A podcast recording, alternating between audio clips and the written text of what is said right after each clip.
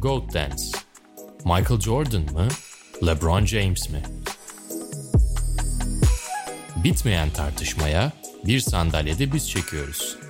Detaylar sokratesdergi.com Goat Dance adresinde.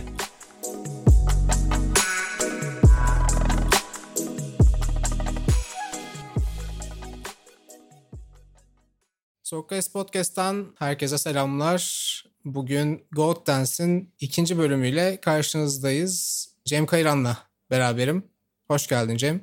Hoş bulduk. Parke gıcırtısında genelde bu ilk sesi duymaya alışıksınız. Bugün hazırladığımız özel projenin podcast ayağında sizinle biraz malum kişiler Michael Jordan ve LeBron James hakkında konuşacağız. GOAT tartışmalarına yaklaşımımızla ilgili aslında bir birinci bölüm kaydettik ve yayınladık. İnan ve Orkun'la aşağı yukarı aynı fikirlerde olduğumuzu söyleyebiliriz. Hani GOAT tartışmalarından keyif almakla birlikte bunu biraz da hani kendi adıma konuşayım. Biraz boşuna efor gördüğüm özellikle o mu bu mu sorularının iki tarafındaki isimler farklı çağlarda, farklı dönemlerde var olmuş oyuncular ya da işte sanatçılar olduğunda çok kıyaslanabilir bulmuyorum bu tür kariyerleri. Ama Cem seninle her zaman keyifli sohbet etmek. Bu da güzel bir vesile olacak ve bugün Jordan ve LeBron'un kariyerlerinden 5 tane an seçtik. Hani yine burada kariyerlerini kıyaslarken kullanacağımız araçlar olarak bunları çok tasarlamadık.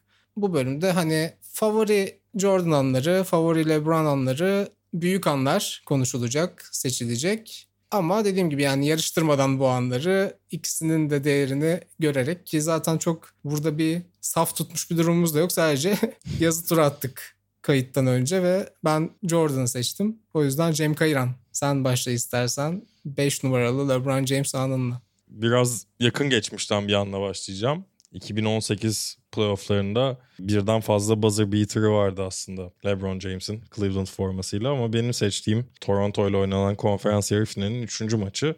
Toronto o zamanlar DeMar DeRozan ve Kyle Lowry etrafında kurulu ve normal sezonları çok iyi oynayıp playofflarda her sene LeBron'a takılmasıyla hatırladığımız bir kadro. Normal sezonda yine 59 galibiyette doğuda birinci bitirmişlerdi ve üçüncü sıradan giren Cleveland'la eşleşiyorlardı. Cleveland için sıkıntılarla dolu bir seneydi ve işte LeBron takımı aslında büyük oranda tek başına sırtladığı bir sezonun ardından yine playofflarda bildiğimiz LeBron performansını sergiliyordu. Üçüncü maç Quicken Loans Arena'da ilk iki maçı Toronto'da kazanarak aslında büyük bir avantajı ele geçirmişti Cleveland. Bu maçta da aslında üçüncü çeyreğin sonlarına doğru gelirken 16 sayıya kadar açıyor fark Cleveland. Fakat müthiş bir direnç gösteriyor Toronto ve maçın sonuna gelirken farkı gittikçe kapatıyor. Hatta işte OG Anunoby'nin üçlüyle skoru eşitliyor. Ve 8 saniye kala son topu kullanmak üzere bir mola alıyor Cleveland. Burada hakkını teslim etmemiz gereken bir isim var belki de. O da Koç Tyron Lue. Normalde böyle bir pozisyonda birçok koçun yapacağı gibi topu yarı sahadan oyuna sokmak yerine kendi potasının altından bir oyun çiziyor ve topu OG Anunoby, Pascal Siakam gibi iyi savunucuların arasından LeBron'la buluşturmayı başarıyorlar. LeBron da topu aldıktan sonra aslında kendisine yapışmış gibi olan Anunoby ile birlikte potaya kadar gidiyor ve sol çaprazdan ters ayağının sol ayağının üstünde yükselerek bir şut gönderiyor ve maçı Cleveland'a getiriyor. 3-0 yapıyor seriyi ve hani Toronto'nun umutları yerle bir oluyor. Bu kadar yaklaşmış, bu kadar bir direnç gösterip maçı çevirmeye yaklaşmışken LeBron tekrar onların hayallerini parçalayan isim oluyor. Bu şut geçtiğimiz haftalarda da Bubble'daki antrenmanlara ilk başladığı zaman da LeBron'un antrenmandan görüntülerinde yine bu şutu çalıştığını görmüştük. Maçtan sonra da aslında takım arkadaşlarının ve kendisinin de söylediği şeyler hep aslında bunun hani şans eseri yapılmış o an doğaçlama çıkmış bir şey olmadı ve hani bu şutu zaten çalışıyor olduğunu söylüyor. İlk çeyrekte attığım her şutu da çalışıyorum. Maçın sonunda attığım her şutu da çalışıyorum. Bunlar benim için yeni şeyler değil diyor aslında maçtan sonra da. Kevin Love ve Kyle Korver bunu antrenmanlarda sıklıkla gördüklerini ve maç sonunda da LeBron bu sayıyı attığında hiç şaşırmadıklarını söylüyorlar. Hatta Kyle Korver'ın çok güzel bir e, hikayesi var bu konuya dair. Bir antrenmanın sonunda bu şutu çalıştığını görüyor LeBron ve hani böyle bir şeye ihtiyacın olacağına emin misin? Hani maçta böyle bir şey kullanabileceğini düşünüyor musun diye soruyor ve playofflarda bir maç sonunda LeBron bunu bir silah olarak cebinden çıkarıyor biraz hani her zaman LeBron'un ne kadar azimli, ne kadar çalışkan, ne kadar oyun görüşünün yüksek olduğu anlatılır. Bu da bence bunu güzel simgeleyen yakın geçmişteki özel LeBron anlarından biri. Evet ben biraz geriye götüreceğim sizi ama çok da geriye götürmeyeceğim.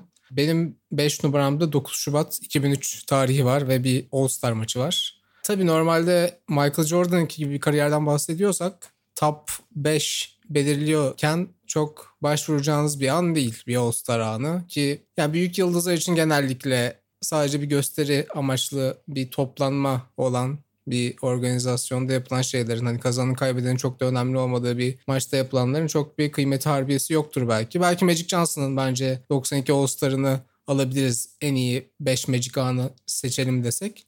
Ama Jordan'ın en iyi 5 anda hiç yeri olmayacak bir şey. Çünkü hani Jordan her zaman bir kazanma makinesi gibi. Yani Michael Jordan dediğimizde akla gelen şey kusursuz bir kazanma makinesiyken bu anın sonunda Jordan kazanmıyor. Neden peki bu anı aldın dersen?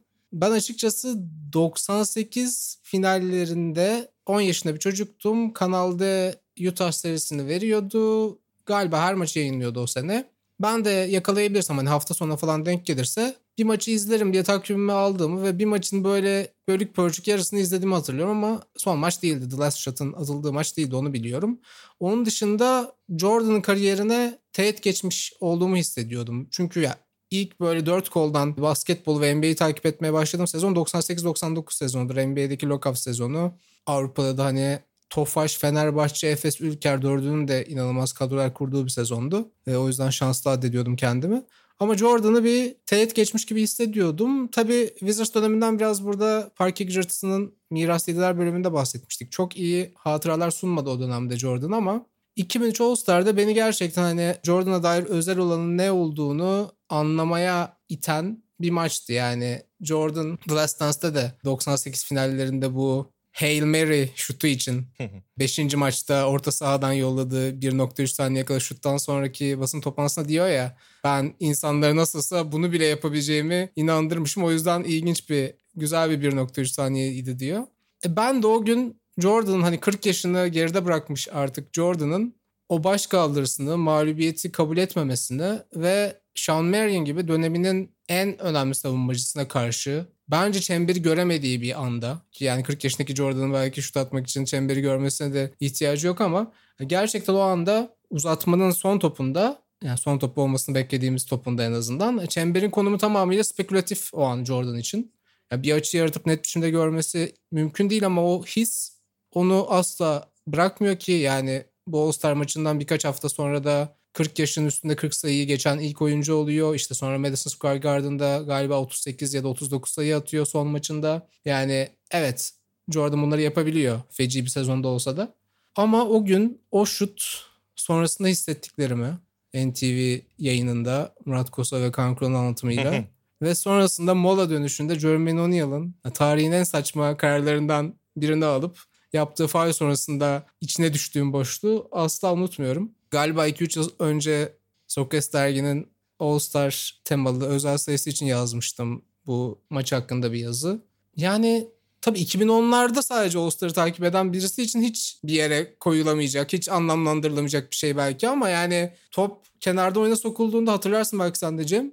Ya Jason Kidd de Can Havli ile kendini topu atıyor topu çalmak için. Yani orada da mesela iki ayağı da yerden kesilmiş orada da bir faul ihtimali var. E Jermaine O'Neal bunu yaptığında da yani, yani dediğim gibi 2010'larda All-Star'ı görmüş bilmiş insanlar onu hiç hani izledikleri şeyin bir tarafına koyamıyor. Jermaine O'Neal'ın ki bir akıl tutulması dediğimizde bile inanamıyor ama biz biraz daha hani anlayabiliyoruz. Çünkü hani o günlerden sonra belki de ilk kez 2020'de biraz gerçekten o rekabetçi ruhun geri döndüğünü hissettik All-Star'lara. Son özellikle 2-3 dakikadaki LeBron James'in takımının yine yaptığı savunma dozajıyla. Ya ben o gün çalından mutlu son demiştim. Başlık olarak galiba o başlık seçilmişti Onur Erdem tarafından yazıya. E çok da iyi özetleyen bir şey. E tabii ki yani Jordan'ın zaten müthiş bir sonu var. Birazdan ona da değineceğiz. Çok da buna ihtiyacı var mıydı? E, olsaydı güzel olurdu dediğimiz bir an. Çok küçük bir dipnotla kapatayım. Sana tekrar pas atayım. Hala anlamadığım ve yani 2003 yılında o All Star halk oylamasına katılan tüm insanların bence hesap vermesi gereken bir durum. Evet. Jordan o sene en çok oy alan 9. oyuncu olabilmesi sadece. kariyerinin son All-Star organizasyonu olacağı bilinirken sezonun %80'ini kaçırmış Vince Carter'ın son dakikadaki hani kimseyi tatmin etmeyen jestiyle onun yerini alıyor. Ama işte 1 milyon 83 bin oy almış ki T-Mac 1 milyon 316 bin, Allen Iverson 1 milyon 156 bin, Vince Carter 1 milyon 301 bin. Jordan bunların çok gerisinde kalmış. Ama yine Harris'in doğrusuna geldiği bir başka andı. Keşke dediğim gibi Jermaine O'Neal o an orada olmasaydı başka şeyler olsaydı. Dördüncü sırada favori LeBron anlarımın dördüncü sırasında diyeyim. Bir smaç var ki söz konusu LeBron James'in kariyeri olunca tek bir smaç seçmek aslında o kadar da kolay değil. Ama 2008 playofflarından, konferans yarı finalinden Boston'a karşı oynadığı Boston'ın Big Three zamanı. Serinin dördüncü maçı e, Boston 2-1 önde. Son 2 dakikaya girdiğimizde Cavaliers 7 sayı önde. Seriyi eşitlemek üzereler ve aslında bu smaçta az sonra bahsedeceğim smaçta hani maçın sonucunu aslında bir anlamda tayin eden smaç oluyor farkı 9'a çıkararak. Paul Pierce savunuyor LeBron James'i ilk başta ki Paul Pierce'la olan rekabeti de aslında Doğu Konferans playofflarında sıklıkla karşılaştıkları için yani bu pozisyonda o anlatıda her zaman değinilen anlardan biridir. Önce Paul Pierce sonra James Posey geliyor karşısına. İkisinden de sıyrılıyor ve Kevin Garnett'in üzerinden hani inanılmaz bir patlamayla müthiş bir smaç basıyor ve Kevin Garnett durdurmaya yeltenmiyor bile hani orada hani LeBron'la karşı karşıya kaldığında muhtemelen ne olacağını o da biliyordu. Ve maçı anlatan Kevin Harlan'ın smaçla birlikte LeBron James with no regard on human life cümlesi aslında akıllara kazanıyor. Yıllar sonra da LeBron bunu hatırlatmıştı Twitter'dan yaptığı bir paylaşımla. Yani aslında yani insan hayatını yok sayıyor gibi bir çeviri olabilir bu cümle içinde ve hani smacı gayet iyi özetleyen bir tanım. Kevin Harlan'dan böyle inciler duymaya zaten alışıyoruz. Gerçekten LeBron James kataloğunun bence en estetik, en akılda kalıcı, en vurucu smaçlarından biri. Ki önceki maddede olduğu gibi yine playoff tansiyonu çok yüksek olduğu bir maç ve LeBron James aslında hani benzerlerini çok yaptı ama bu smaç özellikle karşısındaki isimlerin de ihtişamıyla birlikte benim nezdimde çok özel bir yere sahip. Ben bu sefer anlam ifade eden maçlara bir giriş yapayım dördüncü sırayla. en azından Jordan adına. 5 Haziran 1991'deyiz bu seferde. Yine az önce bir kazanma makinesi olarak tanımlamıştım ya Jordan'ın mirasında. Bu var gerçekten yani zaten rekabetin söz konusu olduğu her alanda bu böyle. Hayatına sirayet etmiş, hayatının geneline sirayet etmiş bir tutumdan bahsediyoruz. Fakat LeBron James için de geçerli olduğu üzere Jordan kazanmak için 6 sezon sırasını bekliyor. Yani ilk 6 sezonunda çok garip koçlarla, çok garip takım kimyaları içerisinde çok büyük hayal kırıklıkları da yaşıyor. Yani bireysel olarak bir mükemmeliyete çok erken ulaşıyor belki. 1986 yılına birazdan geleceğim. Benim için özel bir Jordan yılıdır. Ama kazanmaya başlaması ve özellikle Amerikan kamuoyunda hani Celtics, Lakers ve özellikle de o dönemin Pistons'ı gibi müthiş takımlar yani büyük harflerle takımlar karşısında Jordan'ın asla bir tehdit olarak görülmediği o anlatıyı bozduğu yıl 1990-91 sezon çok özel bir sezon elbette. Yani Pistons'ı süpürerek zaten finallere geldiğinde yolu yarılamış gibi düşünüyordu. Hatta yolun yarısından daha fazlasını kat etmiş gibi hissediyordu belki Bulls ama ilk maçı Chicago'da kaybettiler Magic Johnson'ın Lakers'ına. Jordan çok iyi bir maç çıkarmadı. İkinci maçın ilk 20 dakikasında Jordan sadece 2 sayı bulmuştu. Ama benim listemin 4 numarasını aldığım an meşhur havada el değiştirerek acaba sağ ile smaç mı vuracak derken sol elini alıp kolejden North Carolina'dan eski takım arkadaşı Sam Perkins'in farklı bir biçimde poster olmasına yol açan o hareketi. Yani şey çok güzel oluyor. Kayıttan önce tekrar izledim. Phil Jackson'ın, Scott Williams'ın bu harekete verdiği tepkileri ayrı ayrı izlemek. Yani o an herkes tufaya düşüyor. Sadece Perkins değil ve sonrasında Jordan anlatırken bu pozisyonu yani Perkins'in bloğa kalkacağını düşünmüştüm. Takım arkadaşım, eski takım arkadaşım bana burada kolay bir sayı imkanı tanımak istemez diye düşünmüştüm diyor ama halbuki Perkins orada yavaştan sıvışmaya başlamış poster olmamak için. Yine bu arada başka bir UNC mezunu James Worthy de rakipte. E, o gün faal problemi de yaşıyor bir dönem. Ama 30 sayı atıyor ve ikinci yarıda bir bölüm üst üste 13 şutunda da isabet buluyor.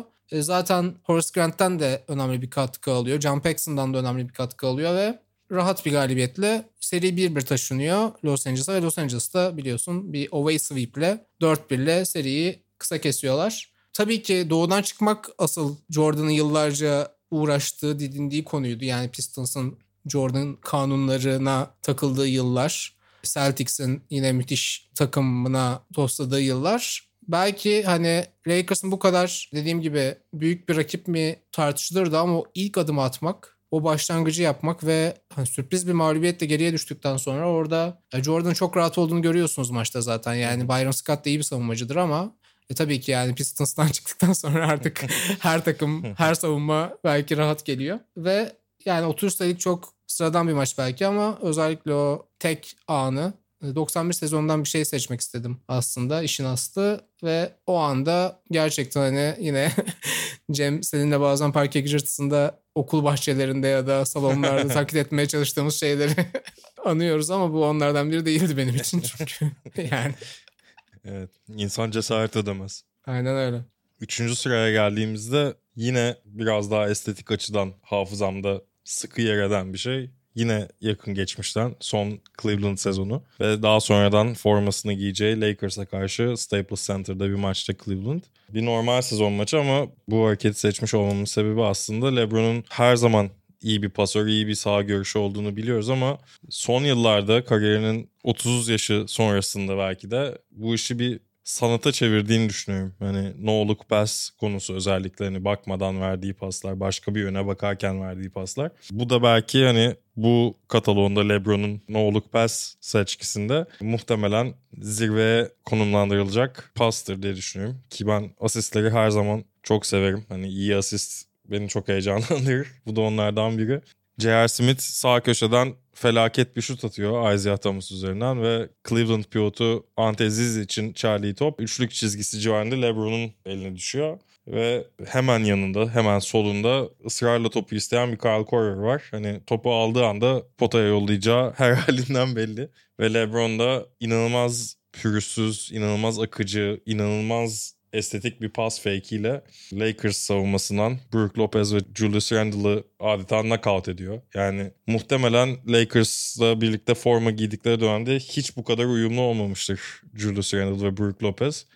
Aynı anda bu fake'i yiyip Kyle Korver'in üstünü çullanıyorlar ve LeBron arkasını dönerken potanın altındaki Zizic'e geri gönderiyor topu. İnanılmaz bir an. Yani her açıdan izlediğinde çok etkileyici, her açıdan izlediğinde çok estetik ve kesinlikle sağ görüşünü, takımın dizilişine, savunmanın dizilişine olan hakimiyetini ve soğukkanlılığını tek bir pozisyonda çok güzel özetliyor. Yani az önce All-Star'da çemberi görmeye ihtiyacı yoktu demiştim ya Jordan için. Yani evet. burada da LeBron hiçbir şeyi görmesine ihtiyacı yok ama dört takım arkadaşının nerede olduğunu hani o sezgilerle hareket etmesi beni de çok etkilemiş bir hareketti gerçekten. Benim de favorilerimden biridir. Jordan'ın 3 numarada hareketi o müthiş kariyerin, külliyatın değerli parçalarından biri ve bence ki Jordan da benim aynı hisleri taşıyor olsa gerek. E, Jordan'ı şekillendiren maçlardan biri. 29 Mart 1982'deyiz bu sefer ve ulusal finallerdeyiz. NCAA finallerindeyiz. Freshman Michael Jordan, belki Mike Jordan o gün Michael oluyor. Michael Jordan doğumu diye adlandırıyor bu maçı. 2016'da Craig Sager'a verdiği bir röportajda Jordan ve gerçekten de hani az önce dediğim gibi o güne kadar Mike'tım. O şutu sokunca Michael oldum diyor. Jordan genel olarak yani büyük oyuncularda hep vardır bu. Yani nasıl anıldıklarını önemserler. Bunu mesele edinirler. Böyle bir huy vardır büyük oyuncularda. The Last Dance'da da hatırlıyor musun? Bir Reggie Miller bölümü vardı. Bir trash talk yapıyorlar ilk böyle playoff'ta karşılaştıkları maçlardan birinden önce. Ve Jordan sadece cevabı verince şey diyor. O geceden sonra asla ona Michael Jordan demedim. Black Jesus dedim. That Black Cat dedim. ya da sadece Jordan dedim ama hani adını anarak ondan bahsetmedim. Onun olmadığı ortamlarda bile. Öyle bir seviyeye çıktığı gün Reggie Miller için o. E bu da bütün Amerika için Michael Jordan isminin gerçekten doğuşu. Jordan'ın freshman sezonu tabii ki o recruitment döneminde Dean Smith'in en çok hani iftiharla bahsettiği oyuncusu ama sezon başında tabii ki yani o zamanlarda freshman oyuncuların da böyle bir şeyi yoktu yani. Sırasını beklemeliler. Düşüncesi çok daha hakimdi. Mesela Sports Illustrated'ın sezon öncesi sayısında kapakta 3 oyuncuyla birlikte Dean Smith'i görüyoruz. James Worthy var, Sam Perkins var ve Jimmy Black var yanlış hatırlamıyorsam. Yanlış da hatırlıyor olabilirim ama. Tabii ki MJ o gün yok. O gün orada olması çok normal dediğim gibi yani o günün özellikle şartlarında bir çayla oraya hani dergi istese koç izin vermez. E, o hiyerarşiyi öyle riske edecek bir hamle yapılamaz ama ben eminim ki takım Final Four'a kaldığında ve o seyahate çıktığında eminim ki Michael Jordan'ın o seyahat çantasında o dergi bulunuyordur. yani bunu bir motivasyona dönüştürmüştür. Last Dance'dan sonra iyice eminiz bence böyle bir şey olduğunu. ya müthiş bir final var bu arada tabii. 80'lerin unutulmaz finallerinden biri. Houston'a eliyor yarı finalde North Carolina ve bir tarafta John Thompson ve onun freshman pivotu Patrick Ewing sezonun en önemli oyuncularından birine dönüşüyor ilk sezonunda. Michael Jordan diğer tarafta o zaman hani North Carolina'nın aslında bir numaralı ismi değil James Worthy takımın go to guy'ı. Ama yine de dediğim gibi bu dönemde birinci sınıf öğrencilerinin böyle sorumluluklar alması beklenmez. Hani istisnai iki yetenek olduğu o zaman da biliniyor ki işte profesyonel kariyerlerinde malum bu rekabeti taşıyorlar. Ve son topta takımın dördüncü sınıf öğrencisi Jimmy Black sol çaprazda Jordan'ı buluyor. Ona çizilmiş bir oyun ve Jordan'ın hani şutunu izlemek çok garip hissettiriyor. Çünkü hani kalemle çizilmiş gibi bir fadeaway'i icat ederken hani yolun başında ne kadar çirkin gözüken bir şutla hani çemberi zor bulması ama yine de o hissiyle en büyük sahnede hem de dediğim gibi freshman oyuncusuyken yani tabii ki 3. senesindeki Jordan çok farklı boyutlara ulaşmıştı ama ilk sezonunda hücumda eline bakılan bir oyuncu değildi. Hücumu hala bir inşa aşamasındaydı. Bu basket aslında daha sonra tabii bir top kaybı yapıyor Sleepy Floyd. James Worthy çizgiye gidiyor falan ama maçın skorunu tayin eden basket bu olarak kalıyor. 63-62 North Carolina kazanıyor. Ve dediğim gibi Michael Jordan doğuşu ilan ediyor bu şutu Jordan bugün bile.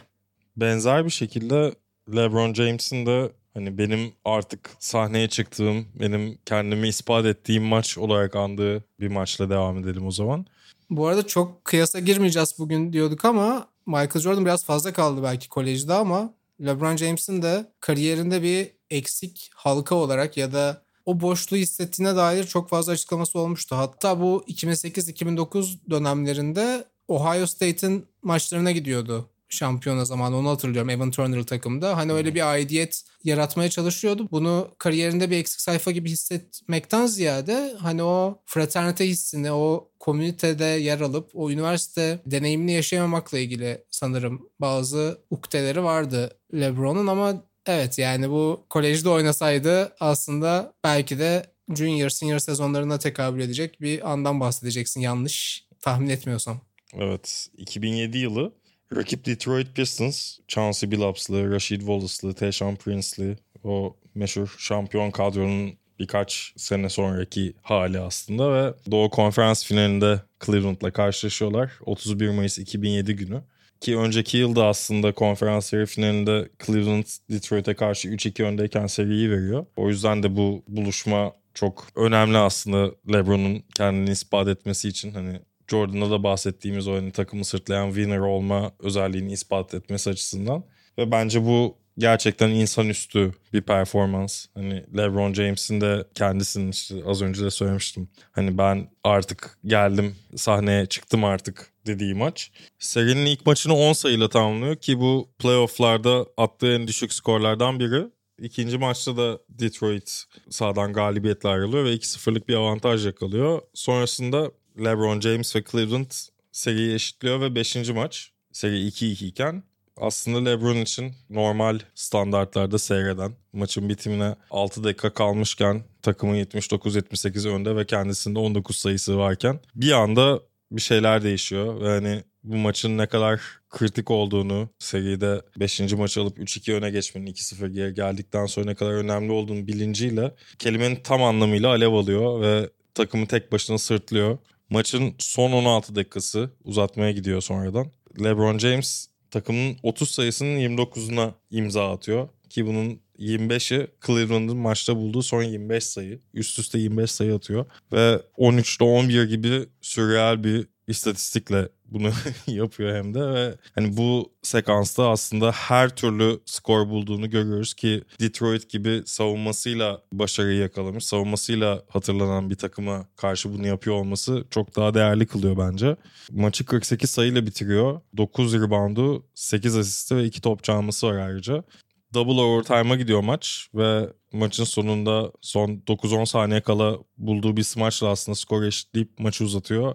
Maçın sonunda da double overtime'ın sonunda da 2 saniye kala bulduğu turnikeyle galibiyeti getiriyor. O maç hakkında Chauncey Billups'ın hep söylediği şey yani elimizde nasıl bir savunma kozu varsa hepsini denedik. Herkes sırayla şansını denedi ve herkesin üstünden sayı buldu. Bir şekilde beceremedik diyor. Ve Cleveland sonrasında LeBron'la ilk finaline çıkıyor ve karşılarında tabii ki Spurs'la baş edemiyorlar finallerde ama LeBron'un bu insanüstü performansı sonrasında uzun yıllar göreceğimiz o mükemmeliyetin belki de ilk ipuçları oluyor birçokları için. Kendisi de bu maçı kendi kariyerinde özel bir yere koyuyor. Yani tekrar tekrar dönüp o son sekansını maçın son 20 dakikasını izlediğiniz zaman gerçekten hani Cleveland kadrosunda zaten hani LeBron James'in o kadroyu bu seviyeye getirmiş olması, finallere çıkarmış olması kariyerinin ilk büyük başarısı olarak da her zaman anılır. LeBron'un durdurulamaz bir hale geldiği, boostlandığı yani bir süper kahramana dönüştüğü sahada belki de ilk an gerçekten fazlasıyla etkileyici olduğunu düşünüyorum. Ya sen bu anı MJ'in Georgetown anıyla birbirlerine yapıştırmıştın biraz ama bence tam olarak LeBron James'in Detroit maçı Jordan kariyerinde bir anla tekabül ediyor. O da 20 Nisan 1986 Boston Celtics karşısındaki ikinci maç performansı. Tıpkı LeBron James gibi MJ de bence kolejden çıktığında bunun Amerikalıların deyimiyle bir generational talent olduğu ortadaydı. Hani bir nesilde sadece bir kez karşınıza çıkardı böyle öldürücü bir skorer. Ama oyunu değiştirecek ve belki de tarihte eşi benzeri görülmeyecek bir oyuncu olduğuna delalet eden ilk maç 86'nın Nisan sonundaki bu maç oldu. 86 Jordan'ın benim için özel bir Jordan sürümü olduğundan bahsetmiştim ki hani takvim yılı olarak bakarsanız maç takviminin belki de %80'ini kaçırıyor ayağını kırdıktan sonra ki o da kariyerindeki tek uzun süre sakatlık diyebiliriz herhalde. The Last Dance'da uzun uzun anlatılmıştı bu hikaye. Yani takım tabii ki geriye dönmesini istemiyor. Çok riskli buluyor küçük bir playoff şansı için. Ama orada ilk kez Jordan'ın o sapıklık derecesine varan bazen kazanma içgüdüsüyle ilk kez gerçekten tanışıyorlar ve hani en ufak bir playoff şansımız varsa bile ben sahada olmak isterim diyor. Riskleri alıyor ama bir garip bir zaman limitiyle hatırlarsan sahaya çıkabiliyor ve Indiana evet. maçı mıydı bu? Tam maçı çeviriyor. Son dakika geliyor. Son top için mola alıyor koçu ve tamam senin için bugünlük mesai sona erdi Michael diyor ve o limiti aşamayacağı için son topta Jordan sahaya sürmüyor. Böyle tuhaf şeyler de yaşanıyor ama sonunda gerçekten 30-52 gibi feci bir dereceyle playoff'a çıkmayı 8. sıradan başarıyor Bulls. O gün itibariyle NBA tarihinin en kötü 5. playoff derecesi bu. Ve 85-86 Celtics'e tosluyor. Tabii ki yani maç alması bile Bulls'un düşük bir ihtimal gibi görünüyor. Nitekim maçta alamıyor Jordan ve Bulls ama ikinci maçta Larry Bird'ün de meşhur cümlesine konu olan o Tanrı maçı God Game 63 sayıyla gerçekten tek başına o Celtic savunmasına taarruz ediyor Jordan ve senin az önce bahsettiğin o Pistons maçında olduğu gibi önce Dennis Johnson gibi müthiş bir savunmacı madarı oluyor. Johnson'ın kariyerinde unutmak istediği ilk gecelerden biridir muhtemelen. O foul problemine girince Danny Ainge alıyor ve sürekli hem Robert Parrish hem Bill Walton hani hedge denemez 86 yılında basketbolda öyle bir kavram yoktu muhtemelen ama sürekli double team getiriyorlar. Onu çıkıp show up yapıyorlar. Kevin McHale bazen savunmak durumunda kalıyor ki zaten maçı uzatmaya götüren şutta faal yapan da McHale. Ve playoff sayı rekorunu kırıyor o gün. Ve o günden sonra hiçbir şey eskisi gibi olmuyor gerçekten. Yani şampiyonluk tehdidi olarak ne kadar görülüyor 86'da emin değilim ama o yaz biraz popüler kültür ikonuna da dönüşüyor Jordan. 86 yazında insanlar ekran başında Jordan'ı izliyorlar ve sezon yeniden başladığında burada küçük bir korsan bir anda alacağım. Bir Atlanta deplasmana gideceğim. Tabii gitmeden önce Larry Bird'ün cümlesinde tam hakkını vereyim. Tanrı bugün Michael Jordan'ın vücuduna bürünmüştü diyor ya da bilmiyorum daha teolojik bir çeviriyle Michael Jordan olarak tecessüm etmişti diyebiliriz. Bugün Tanrı'ya karşı Michael Jordan kılındaki Tanrı'ya karşı oynadığının emin herkes ki Larry Bird'ün bu övgüyü yapması tabii çok çok daha değerli kılıyor bu durumu. 86-87 sezonu başladığında Atlanta deplasmana giderken Jordan ve Bulls sezonunu 38.8 sayı ortalamayla geçiren bir Jordan var. Sezonu öyle sert bir giriş yapmış diyebiliriz. Hani son 7 maçında 40 sayı barajını aşmış. Hatta bu konuda rekoru kırmış yanlış hatırlamıyorsam. Muhtemelen Kobe Bryant'tadır şu anda o rekor. Ve o 23 yaşındaki Jordan Atlanta'da öyle bir karşılanıyor ki yani o gün kimse ya Atlanta'da sonuçta büyük bir şehir ve Hawks'un da bir geçmişi var. Playoff düzeyinde bir takımları var o dönem. Doug Rivers'ın da oynadığı. Ama o gün herkes Jordan için bilet almış. Onu görebiliyorsun ve kolektif bir dehşet Hani öyle bir terör ki bütün Amerika bunu kolektif bir dehşetle deneyimliyor. Michael Jordan denen oyuncuyu. Ve Şey Serrano beni bu anın biricikliğine uyandırmıştı. Sevdiğim yazarlardandır. O favori Jordan anım diyor. Bu Atlanta maçında sol çaprazda Charles Oakley topu Jordan'a bırakıyor. Yani az önce bahsettiğim gibi Jordan 39 sayı ortalamasıyla üst üste 40 sayı barajını aşarak gelmiş bir pas fake'i veriyor ve hani Cliff Livingston daha sonra da takım arkadaşı olacak. Hatta 91 takımında da kenardan önemli katkılar veriyordu. Livingston o pas fake'ini yiyor. Yani Livingston o pas fake'ini yediren şey aklını asla kullanamıyor olması. Öyle bir hani e, yine The Last Dance'dan bir örnek verirsek Stockton şey diyor ya hani ben bir aura hissetmiyordum. Zaten hani Jordan gibi oyuncularda tabii ki bu vardır belki ama Hı-hı. Ben bir auradan söz edersem Maçı o şekilde çıkarsam zaten sahada duramam, rekabetçi kalamam diyor. Ama herkese Stockton değil. Ya Birçok oyuncu için o Jordan ve Bulls aurası var ve sonrasında izlediğinde Livingston hayret ediyordur. Ben o pas fake'ini niye yedim? Yani Jordan Oakley'e tekrar topu niye versin? Sol dipteki Oakley'e. O pas bekledikten sonra hani o boş koridorda bulmuşken Tree Rollins'in üzerinden müthiş bir smaç vuruyor. Posterliyor ki Tree Rollins'in de adının Tree olmasının bir sebebi var. Gerçek bir ağaç. 2.15'lik Rollins'in üzerinden smacı vuruyor ama bence hani belki GOAT tartışmasına şimdi bir referans verebilirim şeyi çok iyi anlayabiliyorum. Yani 90'larda ya da 80'lerin sonundan itibaren Amerika'da Jordan'ı birinci evden deneyimleyen neslin Jordan gibisi bir daha gelmez abi demesinin o retoriğin bir esprisi var. Yani bu hı hı. Jordan kadar yetenekli hiç kimse gelmeyecek demek olmuyor. Jordan'dan büyük oyuncu gelmeyecek demek de olmuyor ama o etkiyi yaratması için yani dünya değişiyor bir kere basketbol değişiyor ve LeBron James, Kobe Bryant ne yaparlarsa yapsınlar gerçekten Amerikan toplumunda da böyle bir büyü yaratamıyorlar gibi geliyor bana her ne kadar yani Jordan'a müthiş bir sempatim olmasa da burada hakkını veriyorum ve sana bir numaralı LeBron James anı için ki çok da merak ediyorum. Pası atıyorum. Öncesinde bir Boston maçıyla ilgili bir şey söylemek istiyorum. Tabii. Maçta çoğunlukla işte Dennis Johnson ve Danny Ainge savunuyor ama hı hı yani 41 şut atıyor Michael Jordan ve bunlardan 3'ü aslında savunma hemen karşısında değilken, suratında değilken attığı şutlar. Yani bu skor patlamasını yaşarken gerçekten çok ciddi bir savunma. Hatta yani karşısındaki oyuncuların 5 tanesinin Hall of Famer olduğunu düşünecek olursak. Yani herkes üstünden aslında sayı buluyor o gün. Bir isim hariç. Bir fikrin var mı kim olduğuna dair? Rick Carlisle. Aynen. o da tek bir pozisyonda aslında karşı karşıya geliyorlar. Ben de bir pozisyonda olmuş olabilir diye düşündüm evet. evet. Rick Carlisle'ı ben koç olarak çok severim. Burada da bir şekilde anmak istedim. Araya girmişken. Keşke doğru tahmin edemeseydim ama. Sürpriz bir isim olarak o takımda Rick Carlisle bana bir göz kırptı. Yoksa bilmiyordum bu arada böyle bir trivia'yı. Çok iyiymiş. Teşekkürler. bir numaraya geçecek olursak bence hani NBA'in yakın geçmişinin, yakın tarihinin en ikonik anları arasında kesinlikle bir numarada. Ki zaten o seri Cleveland'ın şampiyonluğuyla sonuçlanan 2016 finali hani birçok detayıyla aslında film gibi bir süreç. 73 galibiyetle normal sezonu bitirip tarihin en iyi takımı yorumlarını aslında sahiplenmiş bir Golden State'e karşı 3-1 geriye düşmüşken hani sırtın yere yaklaşmışken pes etmeyip finallerde seriyi çevirmek. 7. maç deplasmanda sonuna kadar götürüp maçı koparmak ciddi bir inanmışlığın, ciddi bir özgüvenin de bence göstergesi.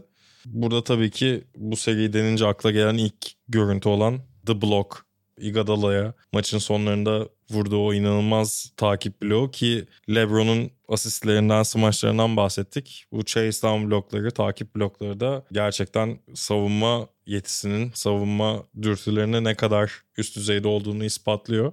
Bu maçta da bir kez daha hatırlamamız gerekirse ki gerekir bence böyle bir podcast'ta en azından. 89-89'da maç bir süre kitleniyor. Hani son 3 dakika 39 saniyeye girdiğimizde ve bir pozisyon var 3 dakika civarında maçın bitimine 3 dakika kalı civarında.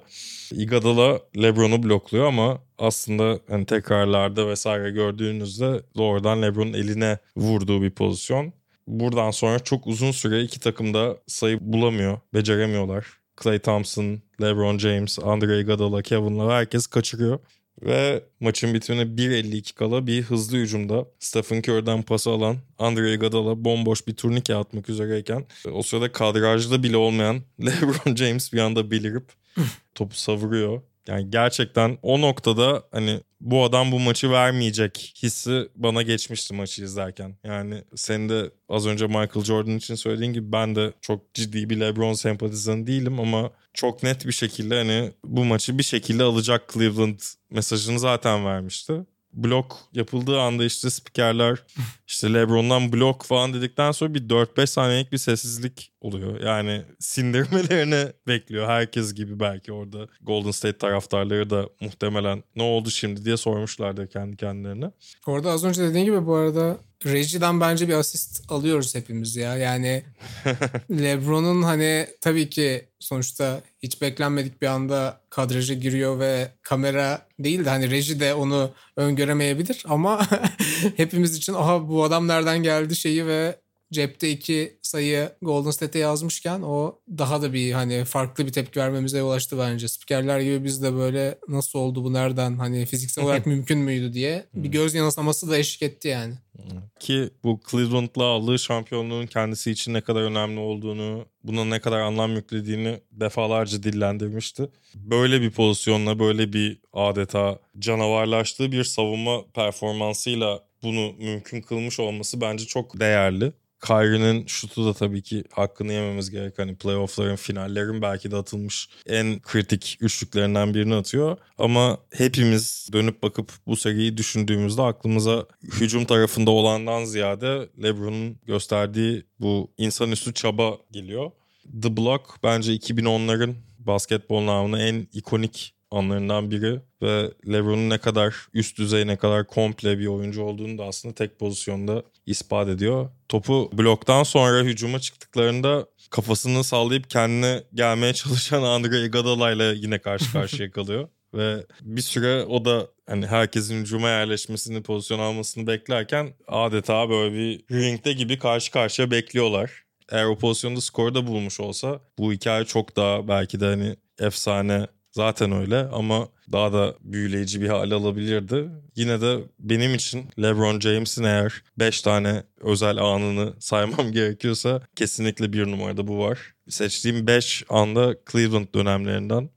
Bunun belki de sebebi Miami'ye Big Three zaman çok antipatik yaklaşıyor olmamdan da kaynaklanıyor olabilir ama LeBron James'in kariyerinden hani başka bir gün bunu konuşuyor olsaydık başka bir takım maddelerde değişiyor olabilirdi tabii ki. Çok fazla anın, çok fazla detayın, çok büyük dönüm noktalarının olduğu bir kariyer. Veya burada işte sağ dışındaki LeBron James imajı ve verdiği mesajlar veya The Decision gibi belirleyici olduğu birçok şeyi değiştirdiği anları da dahil edebilirdik. Ben şahsen biraz daha sağ içinde LeBron'un beni büyülediği anlara odaklanmak istedim. Büyük final içinde şimdi topu sana atıyorum.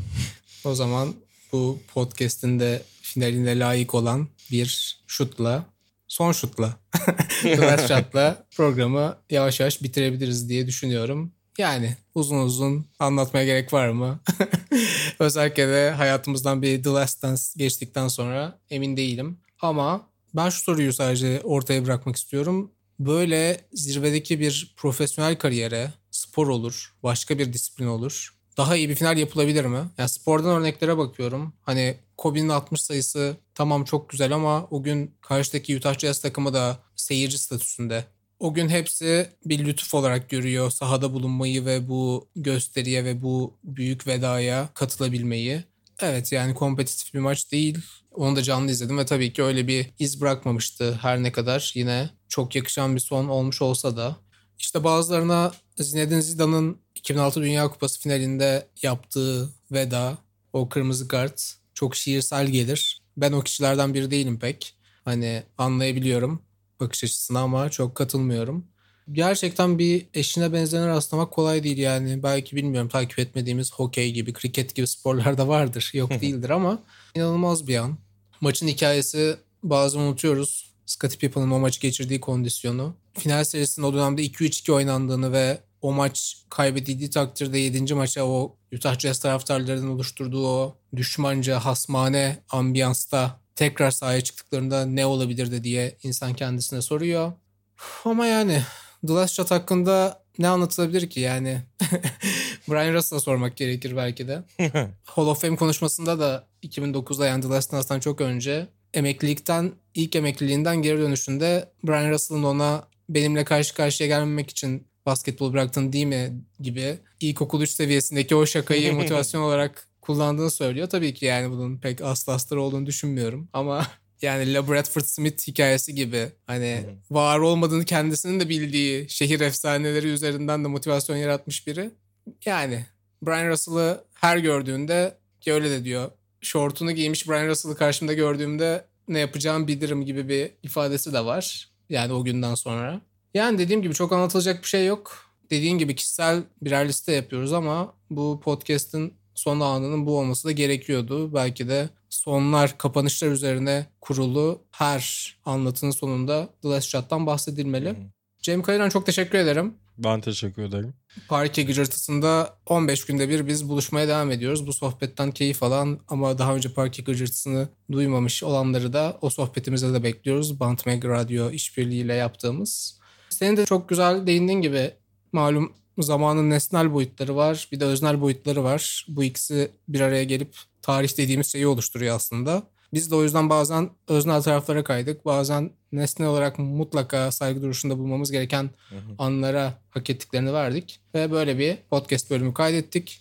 Dinleyicilerimize de son kez diğer bölümleri de dinlemelerini ve hazırladığımız güzel siteye arada göz atmalarını tavsiye ediyoruz. Görüşmek üzere, hoşçakalın.